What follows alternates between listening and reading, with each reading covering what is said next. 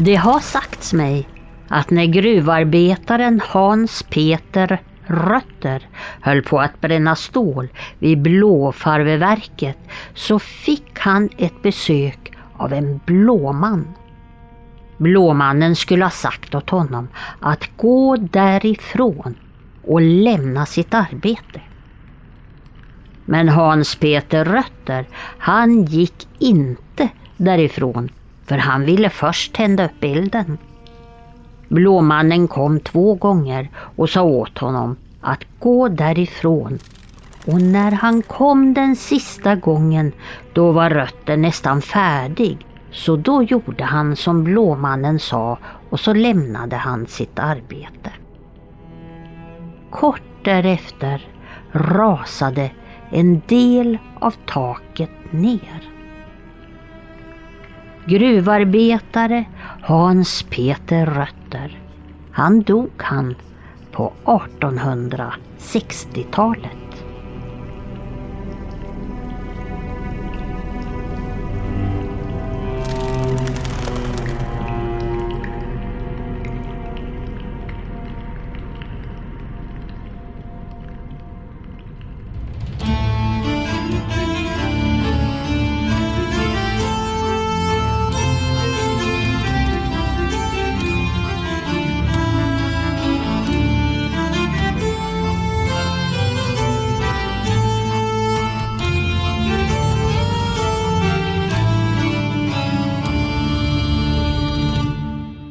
Hej och välkommen allihopa till ännu ett härligt avsnitt med När man talar om trollen med mig Lars Wahlström ifrån Oknytt och eh, som vanligt min eh, kollega och kumpan Tommy Kosela som är doktor i religionshistoria.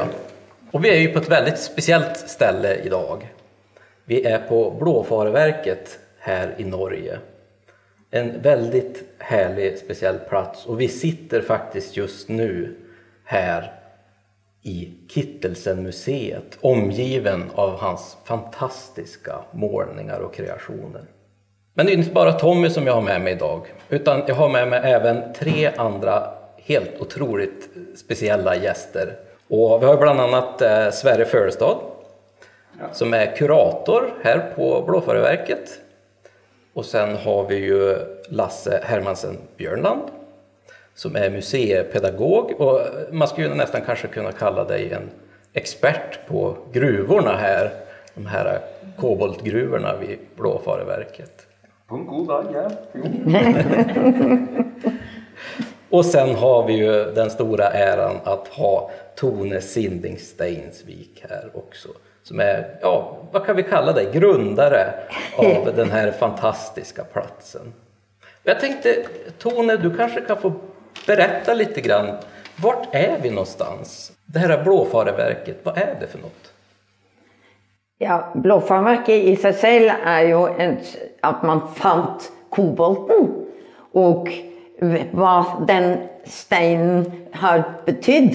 Hva det ble verdens största blåfarvefabrikk og eh, med gruvene. Og eh, i dag et meget stort museum som både har eh, gruver og vi har kunst. Og vi har den sosiale historien. Og, og, og, så det tar lang tid å komme gjennom vårt museum. Ja, det, det jo ju verkligen otroligt mycket att se och det är ju en sån lång historia. Jag vill också bara säga att nu ligger den ju i detta distriktet som har eh, mycket av skog och kärn och, och, och, och, och forskjellige eh, uttryck hvor hele det norske Asbjørnsen og Moe-eventyret eh, egentlig tangerer vår, eh, i vår nærhet. Ja. Og for meg har det vært eh, det viktigste i mitt liv. Eh, Asbjørnsen og Moes fortellinger, mm. som har skapt både troll og skapt nærhet til naturen. Og når vi først skulle flytte hit opp, Og den første høstdag så var det et Kittelsen-tavla som ble Oi! Og siden det så har også Kittelsen vært den veldig viktige delen av å, å komme, bli kjent med dette distriktet i Norge. Mm. Det är ju verkligen, man kan ju verkligen när man bara kommer ut här utanför det fantastiska museet och titta på omgivningen så förstår man ju verkligen att Kittelsen hittar så otroligt mycket inspiration ifrån just den norska naturen. Och jag, jag förstår verkligen att det, det blev liksom som en grund till just den här ja. Eh, verksamheten. Det är jättetrevligt. Men den här verksamheten drivs ju av en stiftelse. Ja. Hur, hur, eh, hur uppkom den? Vi tok fatt og, og, og reddet bygnader. Men sen så jobbet vi også systematisk på hvordan organisasjonen skulle bli. Og i 1972 så ble vi jo en stiftelse.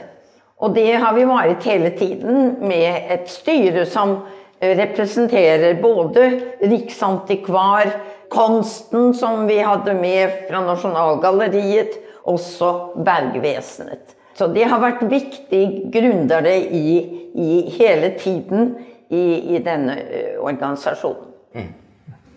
Ja, det er jo så utrolig herlig å få høre denne historien kring hvordan Blåfareverket har liksom blitt til hva det i dag.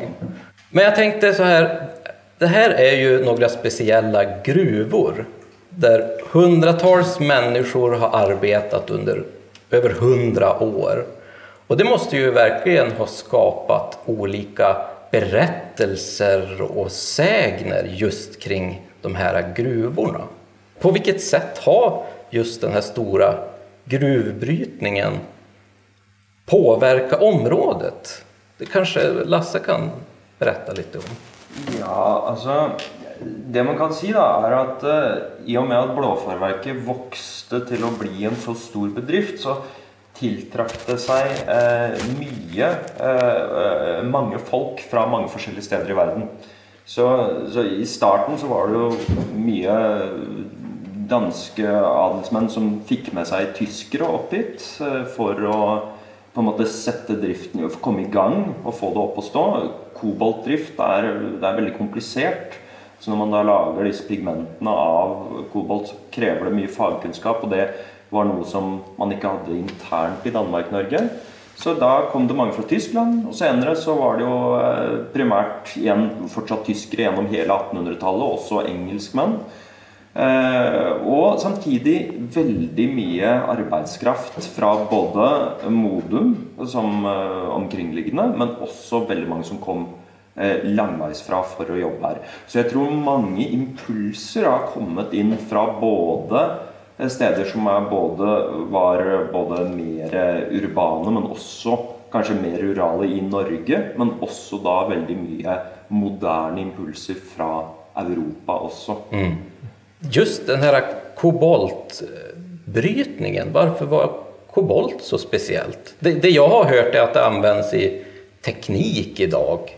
Ja, altså Det som er spesielt med kobolt, er jo at uh, det er uh, det er, et, det er jo I sin rene form så er det et metall. Men når du finner det i naturen, så finner du det i, altså i veldig, veldig små mengder bakt inn i et mineral. Og da er det sånn at det metallet, altså hvis det da binder seg til oksygen, så lager det en veldig, veldig potent blåfarge. Og da, Det kommer da altså an på at du må, da, du må smelte det sammen med glass. Primært for å få farget glasset blått. Men du trenger ekstremt små mengder kobolt for å farge en stor glassblanding. Og dette pigmentet det var da altså rett og slett blått glass som var da knust og kverna ned til et blått pulver Eh, som man da brukte i veldig mange forskjellige eh, industrier. Bl.a. som blekemiddel i eh, papir og tekstil, men Også da til å farge glass, og også å dekorere porselen og andre keramiske artikler. Så, og det var, veldig, det var en veldig komplisert måte å prøve da å eh, konsentrere koboltinnholdet og fjerne da mye av det som ligger rundt. Og det som kanskje da, sånn litt relatert til det vi snakker om i dag, som er morsomt med det, er jo at siden kobolt det ble oppdaget at kobolt var et metall i ganske moderne tid. Det var en mm. svenske som gjorde det. Så da var det jo sånn at eh, i, på 1730-tallet så fant man ut det. Og da måtte man jo sette et navn på det. Og det ble jo da kobolt. Og kobolt betyr jo egentlig eh, gnom på tysk, mm. eller noe lignende det. Mm. Og det handler jo om at i disse koboltmineralene så er det både at du kan Hvis du ikke kjenner det godt, så kan du ta feil av det fra andre metaller, men også at det inneholder store mengder arsen. Gjerne mye mer arsen enn det inneholder kobolt. Og arsenet, hvis du da varmer det opp, så får du da ut en eh, røyk som inneholder arsenikk. Eh, og antageligvis så er det da opphavet til navnet er at eh, disse mineralene fikk da de ble funnet i store mengder i Saksen i Tyskland. Eh, og der var på en måte koboltene var allerede en levende del av deres bevissthet. Litt som en slags Iallfall det inntrykket jeg har fått, er at det er nærmest som en slags fjøsnisse eller gnom. Da, du, og i gruvene så, så, var disse levende skapninger. Og da mente man at de hadde forhekset da, denne mm. malmen som man fant. Og man fikk ikke utvunnet noe metall, og man fikk da bare masse giftig gass som potensielt kunne drepe arbeiderne. Eh, og, og det så, så, så, sånn sett så er jo det veldig morsomt at du på en måte bare sånn overordna at det er kobolt man tar ut her, så har man da rett og slett en sånn direkte link til mm. Eh, folketro med en gang. Nej, det är ju jättehäftigt. Och det är ju en, gruvbrytning har väl varit en ganska farlig syssla i överlag. Men här blir det ju väldigt tydligt att det blir så kopplat till den tro som man har kring gruvor också. Och jag vet ju att just här vid de här gruvorna som vi befinner oss runt omkring finns ju en speciell väsen, varelse. Vi fick ju höra någonting här i början om en blåman.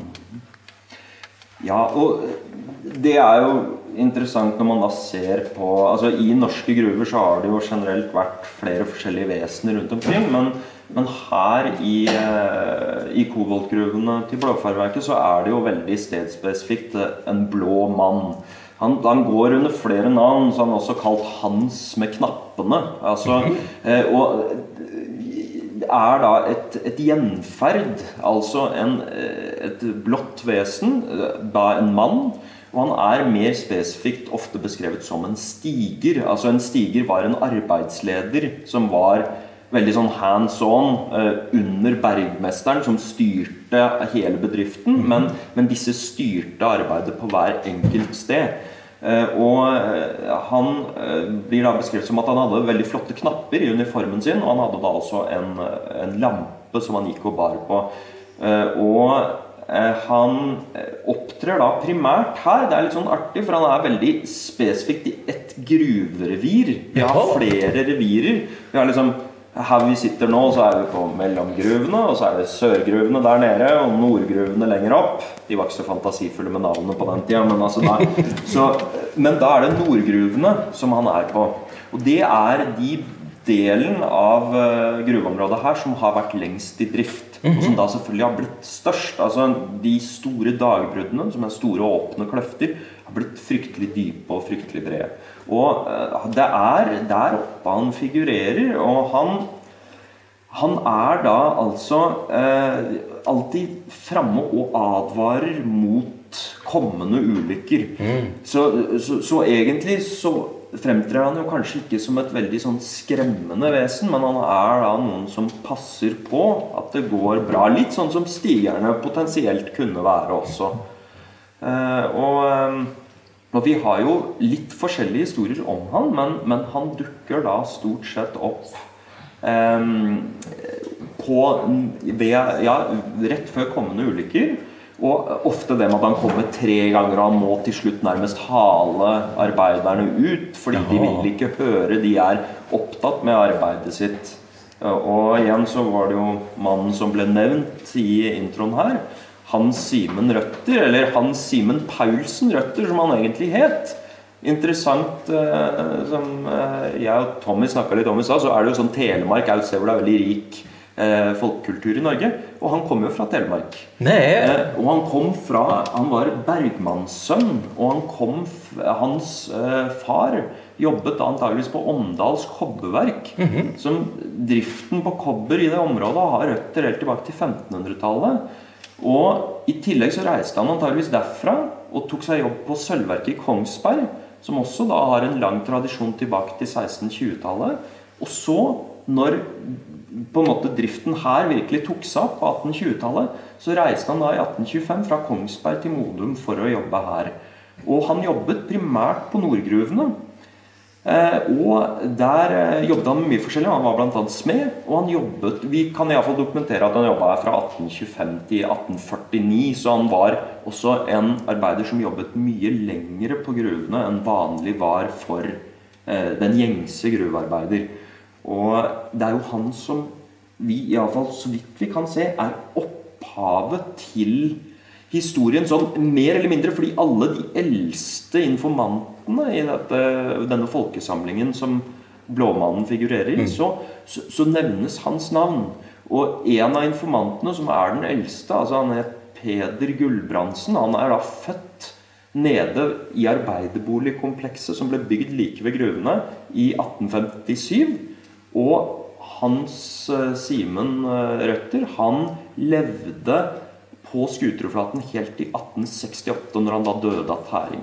Og I tillegg så kan jeg da også si at det som også er litt morsomt med det, er at Hans, altså Hans Simen sin, eller Røtter sin eh, svigerfar han er den eldste gruvearbeideren jeg har vært borti. Han yes. døde nesten i en alder av 99 år.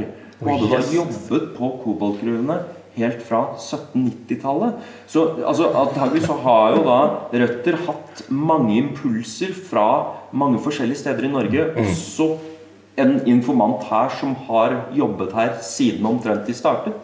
Så, så det, er, det, er, mange mulige kilder inn for hvor Blåmannen kan ha kommet fra.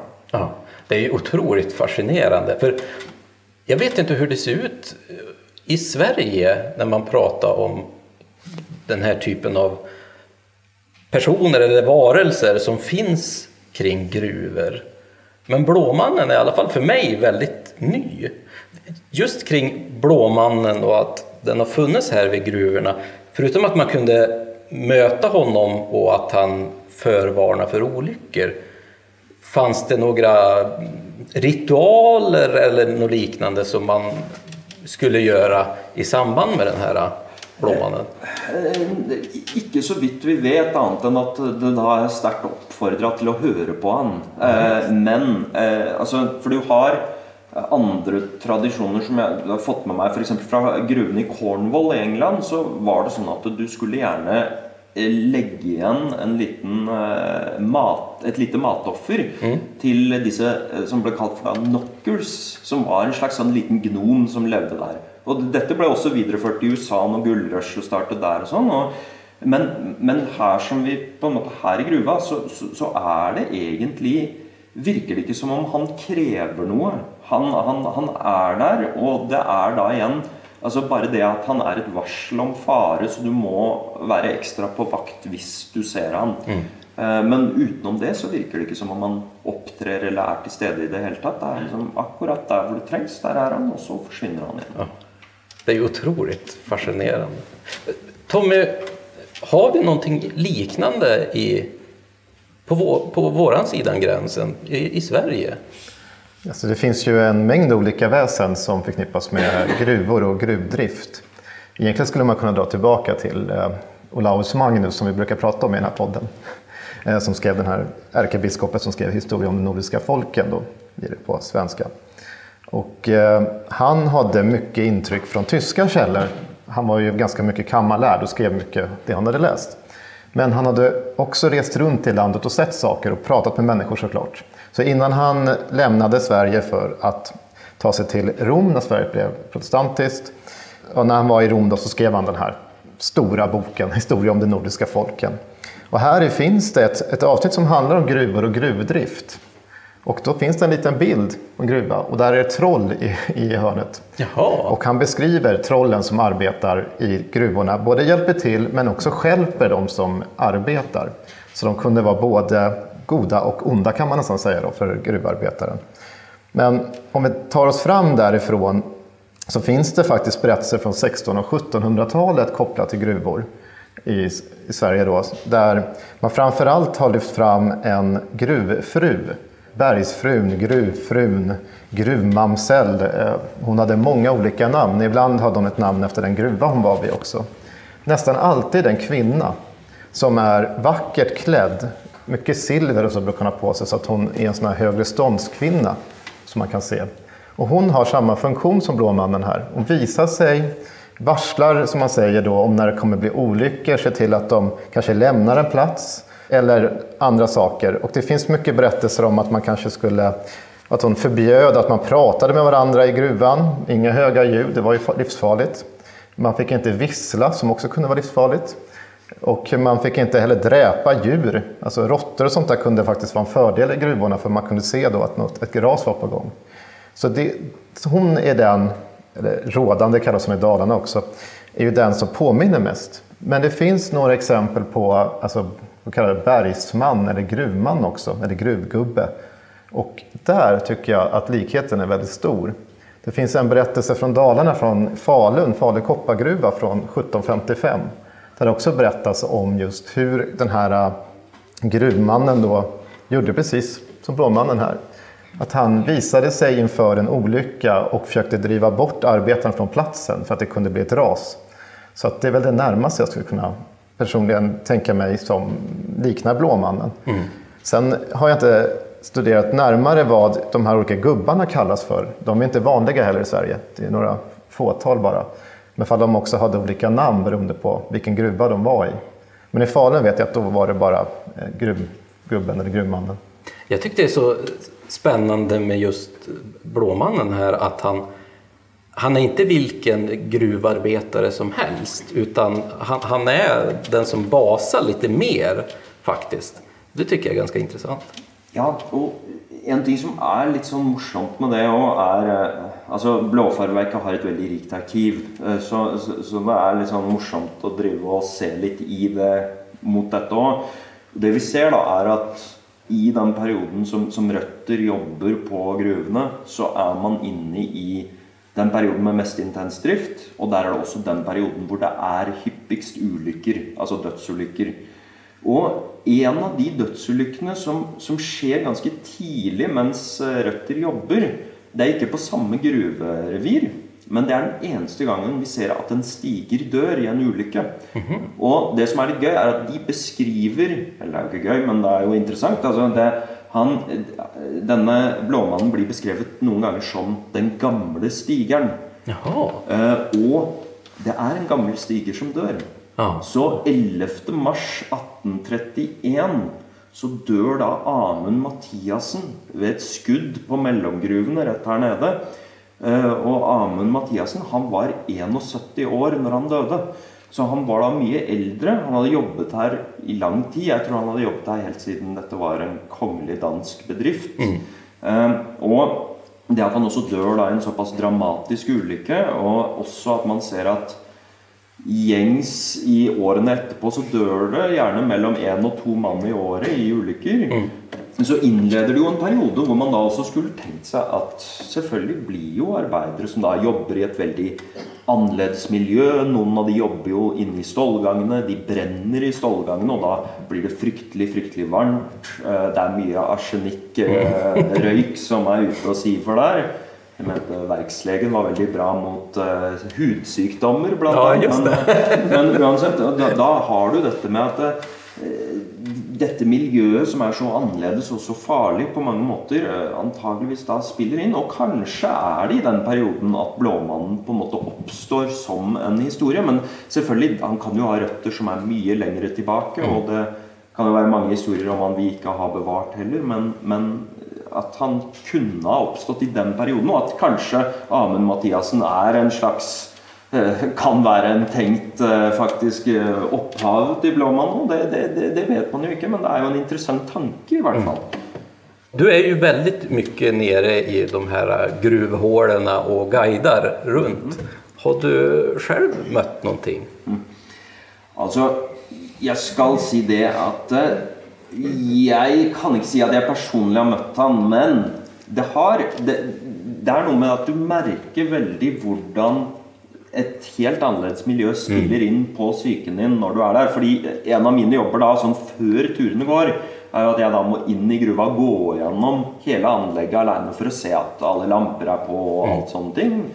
Og Eh, en gang så, og Da hadde jeg ikke jobba her så lenge.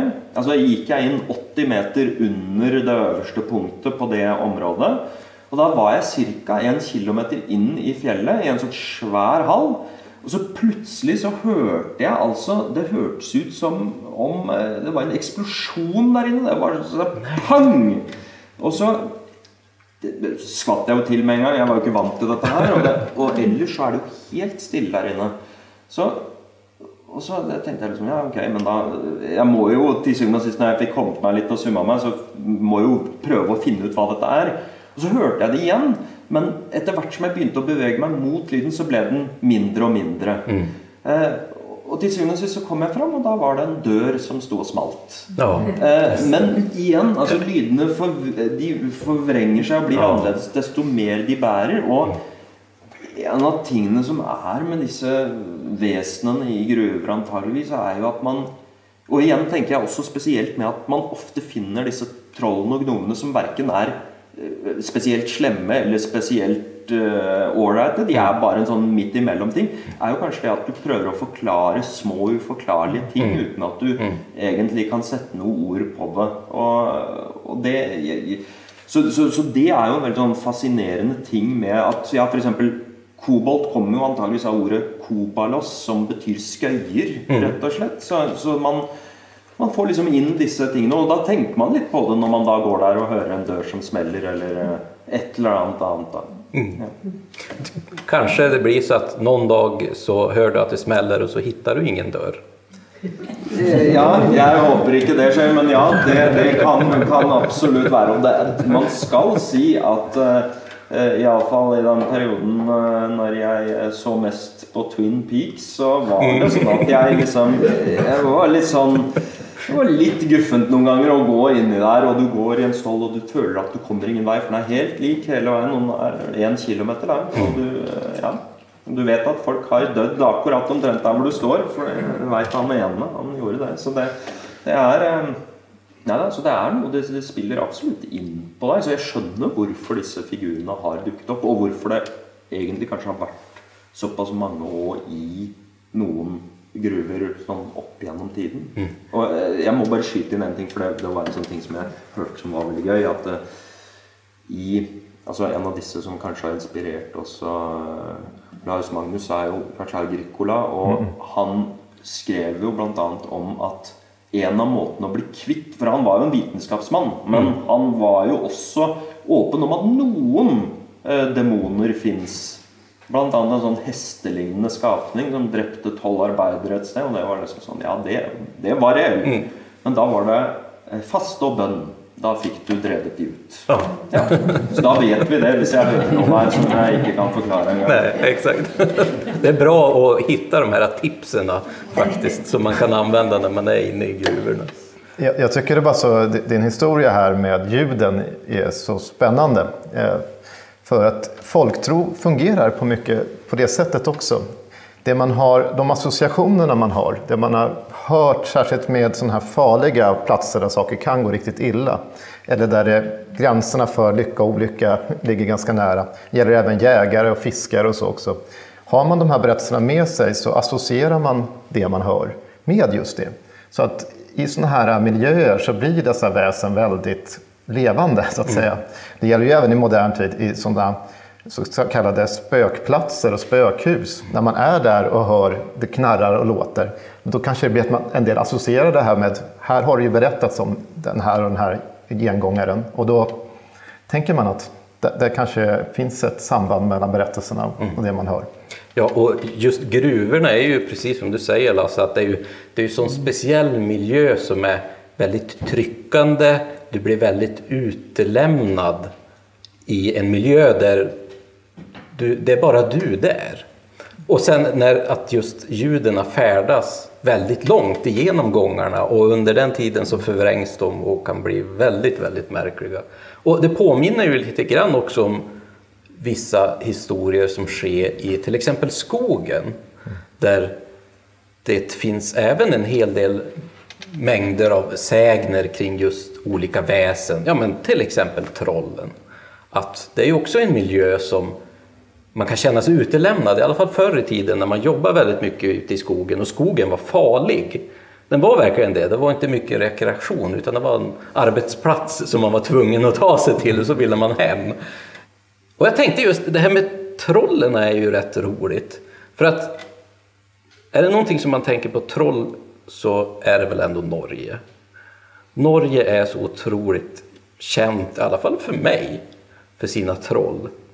Men just den norska naturen har ju inspirerat så otroligt många konstnärer genom åren. Och jag kan verkligen förstå det. Som en fotograf så tycker jag själv att det är helt magisk natur.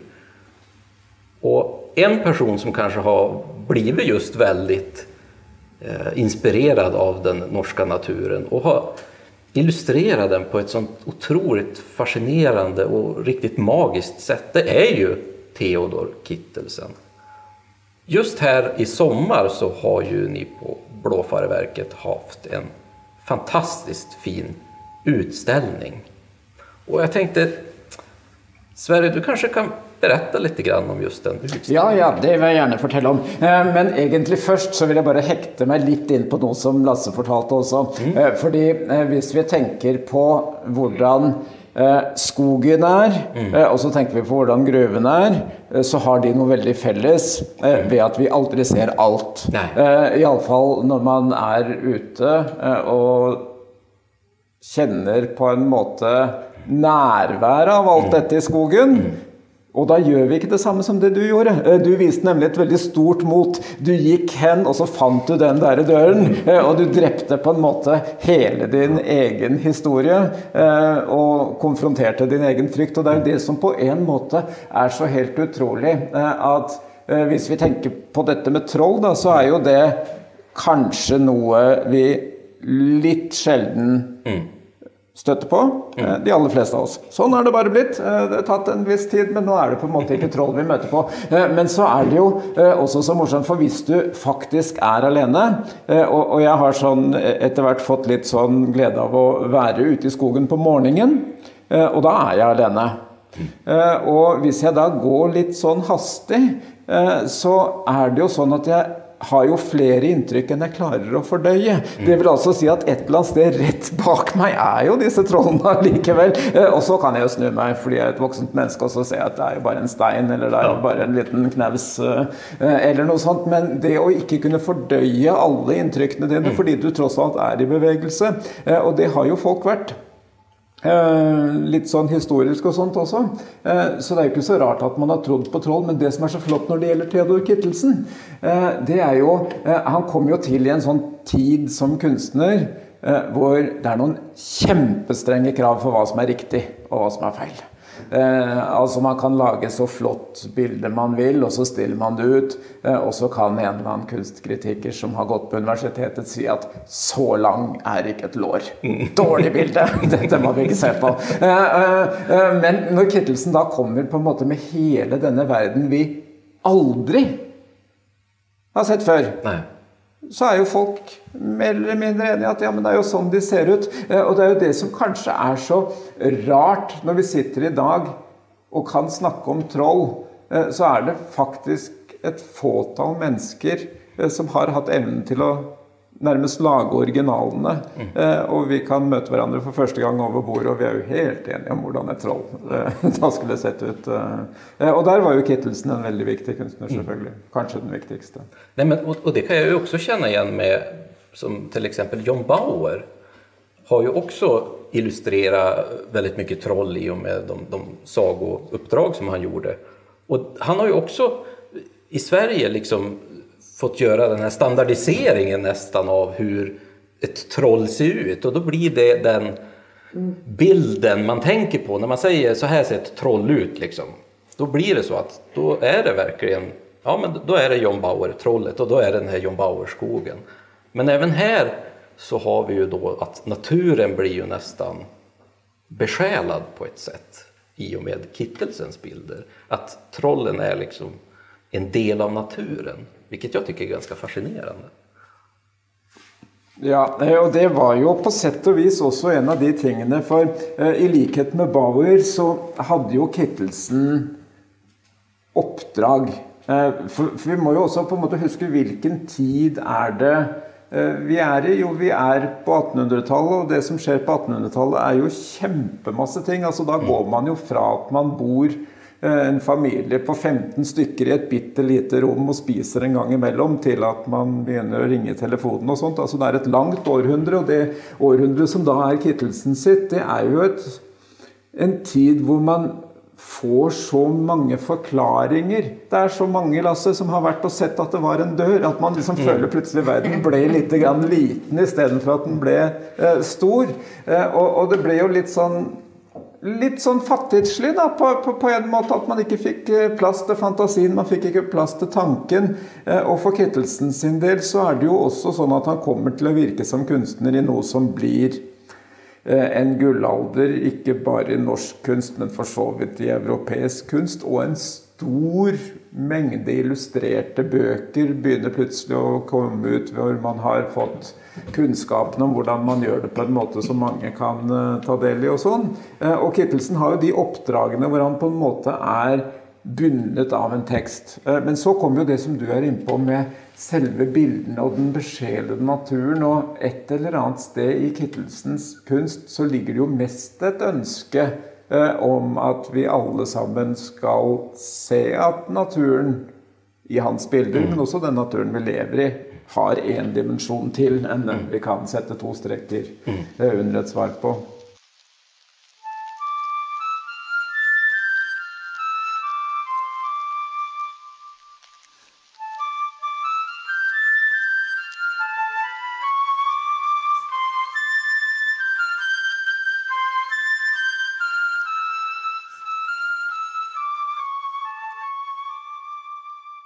Kittelsen har jo en litt spesiell just stil. Hvordan skulle du liksom beskrive den? Ja, du klarer å lage vanskelige spørsmål når de er som minst ventet også. For Kittelsen er jo en sånn kunstner som uh, har evnen til å gjøre ganske mange ting. Mm. Uh, og når man på et eller annet vis snakker med mennesker om Kittelsen, så har jo alle sin Kittelsen. Eh, og nå snakker vi jo på en måte eh, kanskje først og fremst om trollene hans. Og da er det jo eh, naturligvis disse trollene som kommer ikke bare ut av naturen, eh, men også være i stand til å gå tilbake igjen til den der naturen. Mens eh, Bauer sine troll f.eks. de har jo kanskje også kommet ut av naturen. Mm, mm. Eh, men de kan ikke gjemme seg tilbake igjen under steinen. De har jo på en måte fått purpurkapper, og de har silver i håret og alle de tingene der. Mens Kittelsen er jo på en måte da i stand til å utnytte den uklarheten som eh, egentlig naturen byr på oss eh, på. Eh, så han har jo da en sånn veldig sånn naturlig måte eh, å ha disse trollene på. Og trollene kan like naturlig da forsvinne. Eh, og så er det kanskje enda mer spennende når trollene ikke er synlige, men du kan bare ane at det er like før eh, de kommer tilbake. Som sagt, han gjorde jo ikke bare troll. utan han gjorde ju en del andra projekt också. Och en bild som jag tycker är så fantastiskt fin som han har gjort, lite skrämmande också, det är just den här Pesta i trappen. Projektet han jobbade där just kring eh, svartpesten var väldigt intressant. Og veldig aktuelt i den tiden. For eh, da har vi jo sånn mot slutten av 1800-tallet, så er jo vi i denne nasjonen veldig opptatt av at vi skal få tilbake denne fulle friheten og ikke lenger være en union med Sverige. Eh, og vi ser jo på et eller annet vis den svartedauden som årsaken til at på en måte den stolte norske tradisjonen eh, brøt sammen og vi ble en del av den danske unionen. Og for Kittelsen sin del så var det vel også sånn at den mørke, alvorlige middelalderstemningen lå han så nære. Han forsto på en måte så godt hvordan eh, det kunne oppleves at du faktisk satt eh, i din egen lille stue, eh, og sykdommen kommer, og alt du på en måte hadde jobbet for, det skulle forsvinne mm. på et sekund for deg. Så du lever veldig på, på den der grensen. Og Kittelsen har jo kanskje med den svartedauden Eh, og det virker jo også feil å snakke om McDonald's på en måte. Eh, men hvis vi tenker på Kittelsen sin figur, svartedauden, så forteller han på en måte i et glimt mm. alt vi trenger å vite om det der sykdommen. Og det er også litt spennende eh, å tenke at mennesker med en helt annen bakgrunn eh, av litteratur og historie og sånne ting,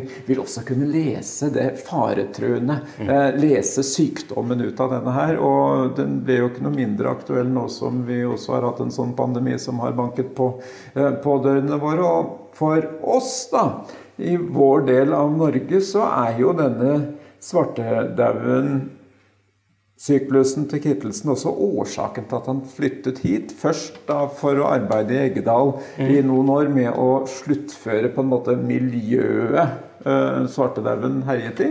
Uh, og dernest da i de årene hvor han flyttet uh, til Sigdal og arbeidet med det landskapet som vi jo føler oss hjemme i. Det er ganske interessant også at han på et så fint sett, og kanskje skremmende, personifiera just den här sjukdomen i och med den här mörka figuren.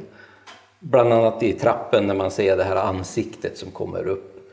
Och det är väl någonting som man kan se just i folktron också, att sjukdom eller döden kan personifieras på det här sättet. Ja, absolut. Du har ju en hel del folktro kring ett liknande väsen som har olika namn, men jag vet fra upptäckningar i Sverige så kallas hon bland annat för Pestila eller något sånt där. Och då brukar det berättas om att hon drar från bygd till bygd och så möter hon någon och så frågar om hon ska räfsa eller sopa. Och det här ser man ju också hos Kittelsen. Mm. Och är de Säger de då att hon ska sopa, ja men då kommer hela bygden dö. Men räfsar hon så är det några som faktiskt klarar sig från den här sjukdomen. Mm. Och det är, det är ju en sägner som har, finns från många olika håll. Men där har en personifikation av sjukdomen i den här, som är ofta som en gammal gummas skepnad som kommer. Och det ser man, man ser ju refsen som Kittelsen också har, mm. har avbildats. Mm. Eh, Kittelsen brukte jo ofte eh, i sitt arbeid eh, en norsk samling med sagn, segner som er gjort av Andreas Faye. Mm. Så Faye sine sagn har han jo hentet rundt omkring i Norge, og det må jo nødvendigvis være omtrent de samme som han har hatt på den andre siden av grensen også. For det er jo veldig eksakt. For Kittelsen har jo også dette med riven som tar noen og limen, som tar mange, altså når man soper. Mm. Så, så, da har jo både den opprinnelige sagnet og hvordan man har forstått det siden, uh, korrespondert fullstendig. Og han har vel også en bild, har jeg for meg, der just den her pesten kliver i en båt. Og det er jo også at skal, hun skal liksom komme over vannet, hun får hjelp å komme over vannet. Og det er vel også et vanlig tema at ja just den här sjukdomen kan inte... Inte av egen kraft ta sig över vattnet. Nej. Utan någon måste hjälpa henne. Så mm. får man ett, en syndabock också. I, ja, i då kan man skylla på någon att faktiskt hela byn blev pestdrabbad. Men Sverre, den här fantastiska utställningen. Det är ju inte bara Kittelsens bilder som ni har där, eller tavlor och illustrationer? Nej, nej, eh, det vi eh, har Eh, vært veldig stolt av at vi har fått vise denne sommeren. Her er jo en utstilling som ikke bare viser Kittelsen, men et ganske stort antall norske kunstnere sånn fra den siste halvdelen av 1800-tallet og litt inn på 1900-tallet, som da har arbeidet med eh, overnaturlige varelser av forskjellige sorter og hatt hver sin måte. Og man ser jo på sett og vis at noen har jo hatt Kittelsen som sitt forbilde, og andre har jo hentet tingene helt andre steder eh, fra. Og det store eh, overraskelsen har jo egentlig vært at nesten alle kunstnere har på sett og vis, altså uansett hvor forklaret de ellers er i sin kunst, nærmet seg noe av disse litt sånn ulne mm. eh, for, fortellingene også. Eh, så det har jo vært uh, utrolig spennende å se, uh, og utdypet helt bildet av hva man forventer at kunst skulle være også. Man tenker jo at det bare er én vei ting går, men det er det altså ikke. Nei, men visst, det, det är så himla spennende å se att det kan få en sån bredd. Men varför just temat magisk natur og, og mystikk? Vi begynte jo et sted, eh, og så endte vi opp et annet sted. Og det som er så eh, veldig rart, det er jo hvordan disse mytene har på en måte hatt sin historie. Og så kan vi si sånn at Eh, de kan forklare eh, en del av de uforklarlige tingene. Eh, og det skulle jo vi mennesker gjerne ønske oss. Men det har jo også blitt så rart at når vi sitter i vår tid, som altså er akkurat dette året her, som ser ganske svart ut på alle hold, så er det jo så utrolig hvordan de også kan bringe håp Altså, du kan klamre deg til det. Du kan se litt videre enn alle de der sånn når du slår opp nyhetsavisen, og så mm. er det bare svart alt du, du ser. Så kan man plutselig på, på sett og vis også tro at det fins noe mer, og at det fins et forsyn og en fornuft og et eller annet som skal seire til sist. Og sånn sett så ble jo den utstillingen da eh, fra noe som liksom skulle være en sånn historisk bilde av hva kunstnere holdt på med for en hundre år siden, til noe som jo også forhåpentligvis bærer en lite grann fremover mm. videre. Mm. Men hvorfor tror du at man har inspirert så mye av just den norske naturen? Det er jo fordi den norske naturen var jo de fleste av disse kunstnerne eh, og de fleste menneskene bor veldig tett inn i denne naturen. Eh, altså, det er For veldig spesielt interesserte det å skulle bo i en by når man er liksom sånn på begynnelsen av 1800-tallet, mens de fleste bor jo på et eller annet vis tett innunder en stein, innunder en bjørk og langt inn der hvor man skulle være. Og så har man jo da også hatt i det man på en måte har liksom sånn på et sånn stort nivå skulle oppdage denne nasjonen, så har man jo også vært interessert i å oppdage seg selv. Og hvor er det man hører hjemme? på en måte? Hører man hjemme på boulevarden eh, i Paris, eller hører man i grunnen hjemme eh, et eller annet sted ved dette tjernet i denne stillheten, hvor man liksom sånn har kanskje blitt formet som menneske? Eh, så det er jo ikke så rart at landskapet ble også et sånt naturlig motiv for, for, alle disse kunstnerne. Og det jeg kanskje noen ganger kjenner mest på, det er jo hvordan vi går, og, og, så kikker vi på maleriene og nyter maleriene. og Vi leser om disse kunstnerne som har laget det, vi snakker om det i middagsselskaper og sånn. Eh, men viktigst av alt så er det jo hvordan du egentlig tar med deg disse blikkene ut igjen i denne naturen, og plutselig får øye på alle de mm. nøyaktig samme tingene mm. som du kanskje ikke ville gjort uten at du hadde sett på disse maleriene først. Eh, så Sånn sett så er det jo noe som foregår ikke bare i lerretet eller bak glasset, men som egentlig lærer deg selv å bruke den samme fantasien. Eh, forhåpentligvis. I hvert fall opplever jeg det ofte sånn eh, på den måten.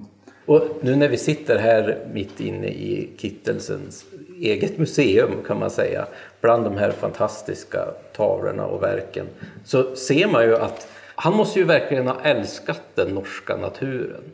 For han har jo illustrerat den virkelig med sånn omsorg. Har vi, har vi no, liksom noen liknande i Sverige? Jobbat på et liknande sett? Jeg vet jo at mange svenske kunstnere har jo åkt til Norge for å gjøre mye konst. Absolut, eh, men det her var jo en strömning som vi kunne se i store deler av Europa. Den her nationalromantiska strömningen der landskapet lyftes liksom till förgrunden kan man säga och ska väcka känslor hos eh, betraktaren.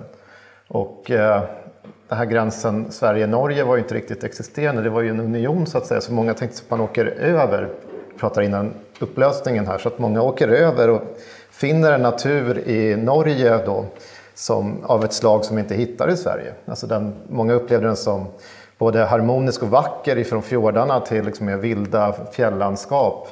Eh, vi har ju själv när vi var i Norge nyligen stått förtrollade Geiranger och så när vi åkte upp för Trollstigen och sådär. Det, det väcker ju än idag känslor, även om vi inte gör konstverk på samma sätt. Vi har inte gjort det. Men jo, visst, många svenskar åkte över. Vi har ju kända personer som prins Eugen som var ju ganska mycket inne in i Norge och var väldigt, eh, drev hårt för Norgefrågan också. Och eh, en annan känd, om vi ska prata väsen, är ju Ernst Josefsson mm. som eh, reste runt i Norge och bland annat var han vid Eggedal här eh, i närheten. Och det är där han målade sin oerhört berömda Strömkaren.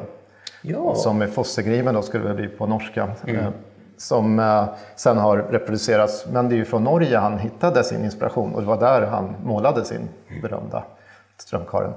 Och vi har Karl XV, det var mycket i Norge också och målade av mycket norska landskap. Men de här, många av de här konstnärerna målade också av svenska landskap.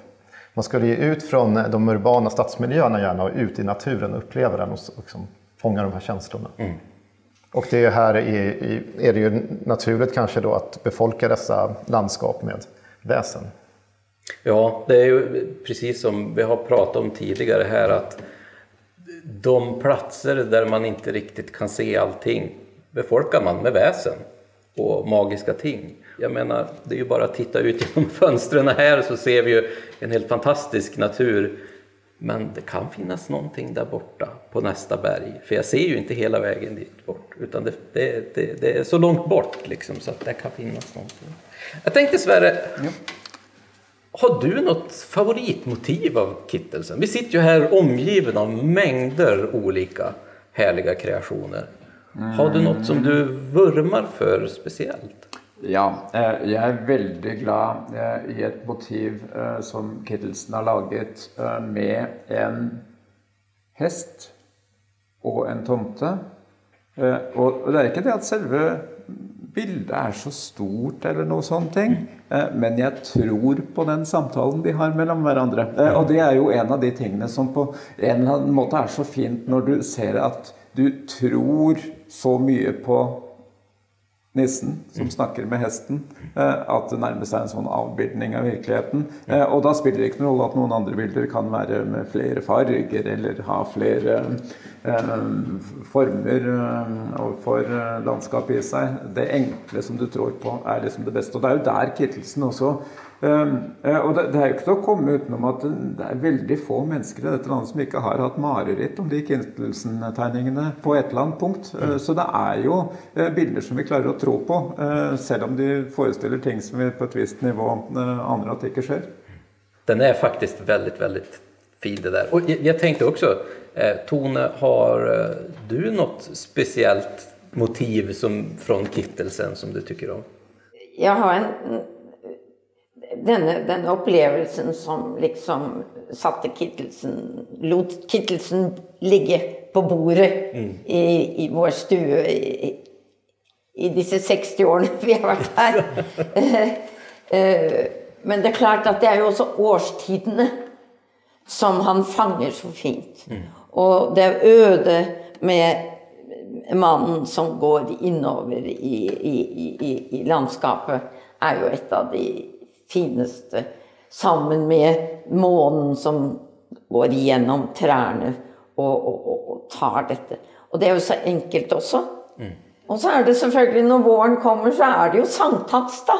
Det er jo ikke det, det er noe her. Så, så disse årstidene som han fanger så fint. Det jeg, jeg, jeg, og, og, nettopp dette Altså, jeg er jo Jeg er jo blitt et, et barn av Kittelsen. Ja.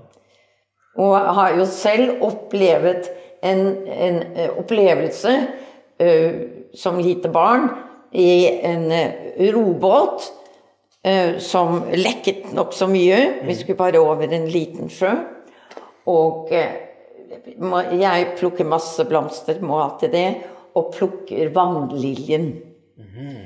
Og eh, jeg står, og til slutt så må jeg gå opp på tiljen, og jeg, min mor må stå og holde meg, og jeg skal enda høyere opp. Og til slutt så begynner den å trekke meg ned igjen. Nei. Og det går langsomt, men det går fast hele veien. Nei. Og det har jeg aldri glemt. Det er liksom Sånn Så når man eh, ble oppmerksom på, på, på, på, på nøkken i, Ja. i, i, i vannlinjen, så, så kom jo da denne, denne opplevelsen som, som er en av de få store opplevelser jeg har hatt uh, som barn. Vad läskigt! Jag, jag skulle bli jätterädd. Nei, jeg blir aldri redd. Jeg har aldri vært redd i skogen. Jeg har aldri vært redd i, i, i, i, i, i en slik setting. Nej. Alltså, jag sitter och, och tittar på de här bilderna och ni har ju gjort ett helt fantastiskt, ett, ett fantastiskt förvaltande av hans verk och konst. Och och Tone, det måste ju kännas fantastiskt härligt att verkligen kunna ha det här museumet och att kunna få visa upp de här. Ja, og det er jo fordi at eh, vi har jo vært opptatt av hans eh, naturpoesi, som han nettopp skapte rett over på den andre siden av eh, åsen, Skuteråsen her. Og eh, det er det samme landskapet, det er de samme bjerkene, det er, det, det er lyset og, og, og, og dette fine, fine motivet i, i landskapet med, med, med, som, med linjene og det hele. Selv om vi nå er inne i et helt annet landskap her, da, så, så eh, ser man disse små tingene. Det skal ikke så mye til før du Og vi skjønner jo godt at eh, når vi da kjøpte det siste bildet her, med den store stenen så har vi skjønt at han gikk ikke langt ut av huset og, og, og, og fikk det til. Og det har vært to-tre forskjellige uh, utgaver av den, og de har vært uh, ikke brukelige. Men her traff han. Og det er også noe med at jeg tror at jeg begynner å se når han har gjort det ganske fort og grepet det i, i, i, i, i de kunstneriske øyeblikket. Ikke tenkt for mye, ikke prøvd å passe, putte noe inn, men har tatt det i, i, i, det kunstneriske grepet. Det er, det er veldig spennende å se etter de kunstneriske grepene. Ja, det, det er jo kanskje også en, en tydelig indikasjon på at han, han var så inspirert av just naturen. At det behøvdes ikke mye for at han skulle få det här äh, kreativa att komma igång och verkligen illustrera det precis som han såg det.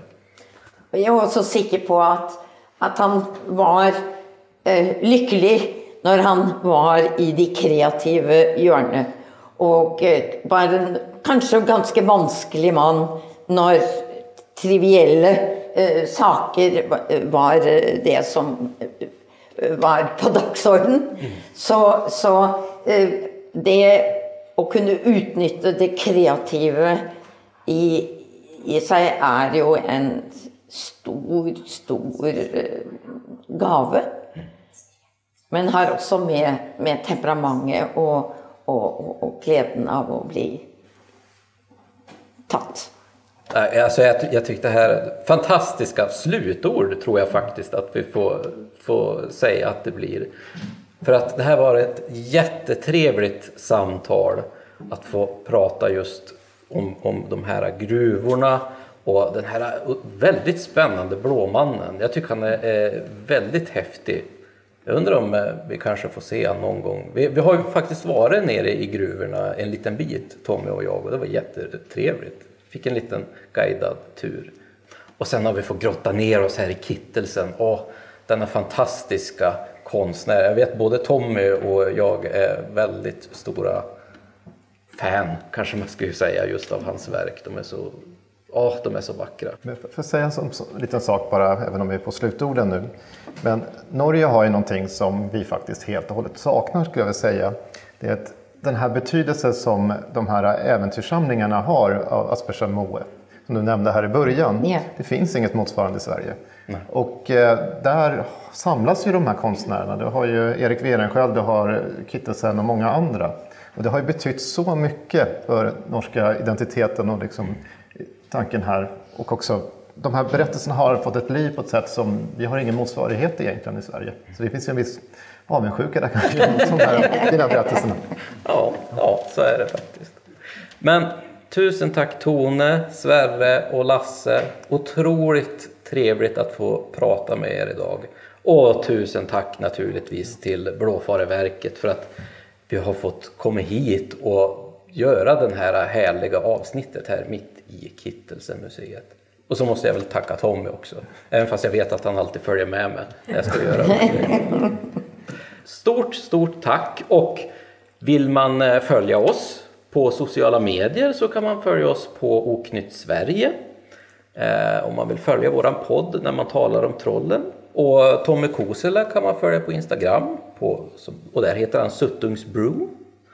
Och på, man ska ju naturligtvis gå in och följa Blåfareverket också och då heter de faktiskt Blåfareverket. Både på Facebook och Instagram. Så tusen, tusen tack så eh, går vi över till lite frågor.